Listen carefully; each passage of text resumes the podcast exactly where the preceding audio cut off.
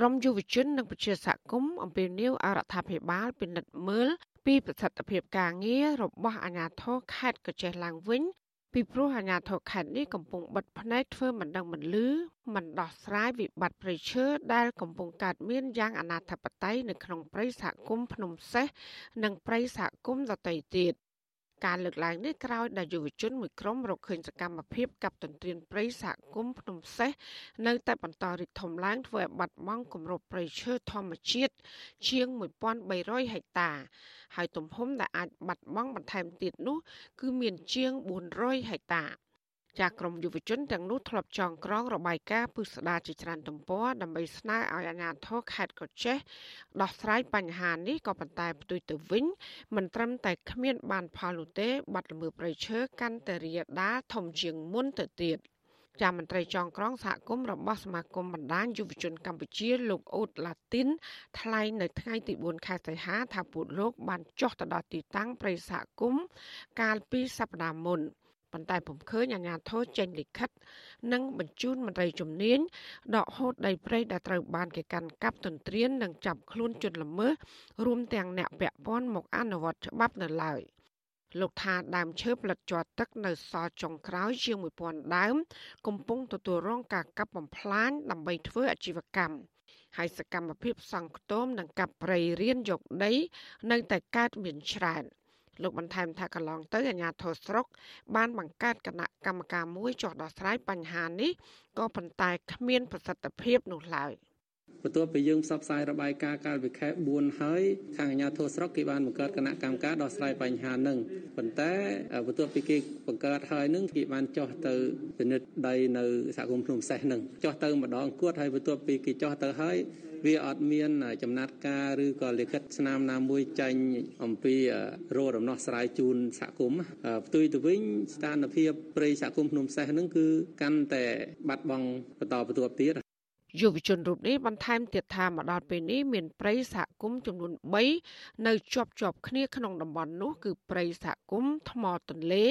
ព្រៃសហគមន៍ភ្នំបាក់និងព្រៃសហគមន៍ភ្នំសេះកំពុងឈានទៅរកការបាត់បង់ទាំងស្រុងដោយសារតែចលនាទន្ទ្រានដើម្បីយកដីព្រៃធ្វើជាកម្មសិទ្ធិបុគ្គលហើយនឹងសកម្មភាពកាប់ឈើធ្វើអាជីវកម្មពីសំណាក់ប្រជាប្រដ្ឋចំនួនស្រុក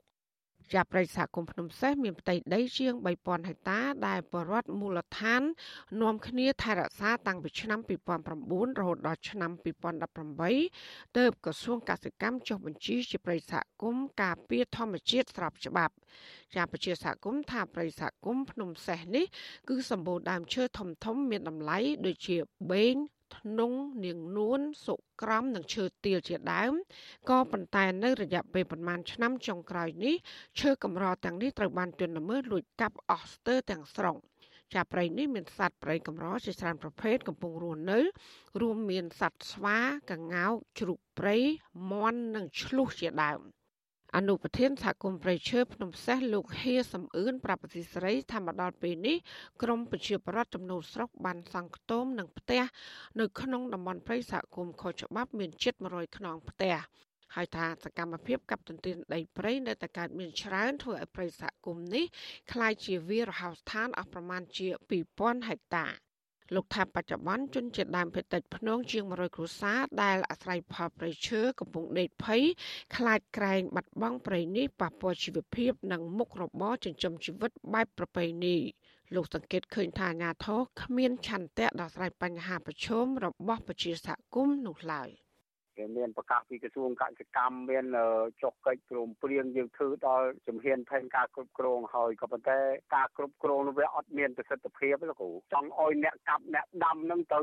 រត់រឹបពុះយកវិញបកលជូនសហគមន៍វិញដាំឈើឬក៏ឲ្យវាដុះឡើងវិញអញ្ចឹងគ្រូបាទបាទហ្នឹងហើយបាត់បង់វិញបាត់បង់មុខរបរអាហ្នឹងដូចស្រែចកាយើងអញ្ចឹងណាមានដៅជ័រមានកលែងជំនឿហើយយើងអាស្រ័យផលនៅក្នុងព្រៃហ្នឹងណាគ្រូ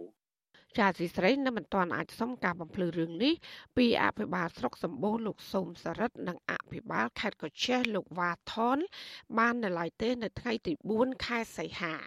ជាចំណែកនេះខណ្ឌរដ្ឋបាលប្រជើខេត្តកោះចេះ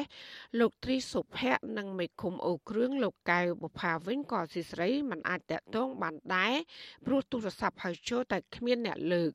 ក៏ប៉ុន្តែមេឃុំអូគ្រឿងធ្លាប់ប្រាប់ប្រសិទ្ធរីថាការកាប់ទន្ទ្រានដីព្រៃសហគមន៍ភ្នំសេះនេះអាជ្ញាធរពាក់ព័ន្ធកំពុងប្រឹងប្រែងដោះស្រាយនិងបង្ក្រាបជាញឹកញាប់លោកថាអាញាធរឃុំបានត្រង់ឈ្មោះអ្នកដែលកាប់ទន្ទ្រានដីព្រៃសហគមន៍នេះរួចហើយនិងបង្គាប់ឲ្យចុះកិច្ចសន្យាបញ្ឈប់ក៏ប៉ុន្តែដោយសារជំងឺ Covid-19 ធ្វើរាំងស្ទះការដោះស្រាយបញ្ហាទាំងនេះ សមាគមបណ្ដាញយុវជនកម្ពុជាបន្ថែមថាការកាប់រៀនទន្ទ្រានកាន់កាប់បានគម្រាមកំហែងដល់ជីវភាពរស់នៅរបស់ប្រជាសហគមន៍នៅមូលដ្ឋាន ជនជាដើមភាគតិចភ្នងដែលមានទម្លាប់អាស្រ័យផលប្រៃឈើដើម្បីបម្រើការរស់នៅជាច្រើនទសវត្សរ៍មកហើយជាបន្ថែមពីនេះអ្នកភូមិក៏ប្រឈមការបាត់បង់ទីកន្លែង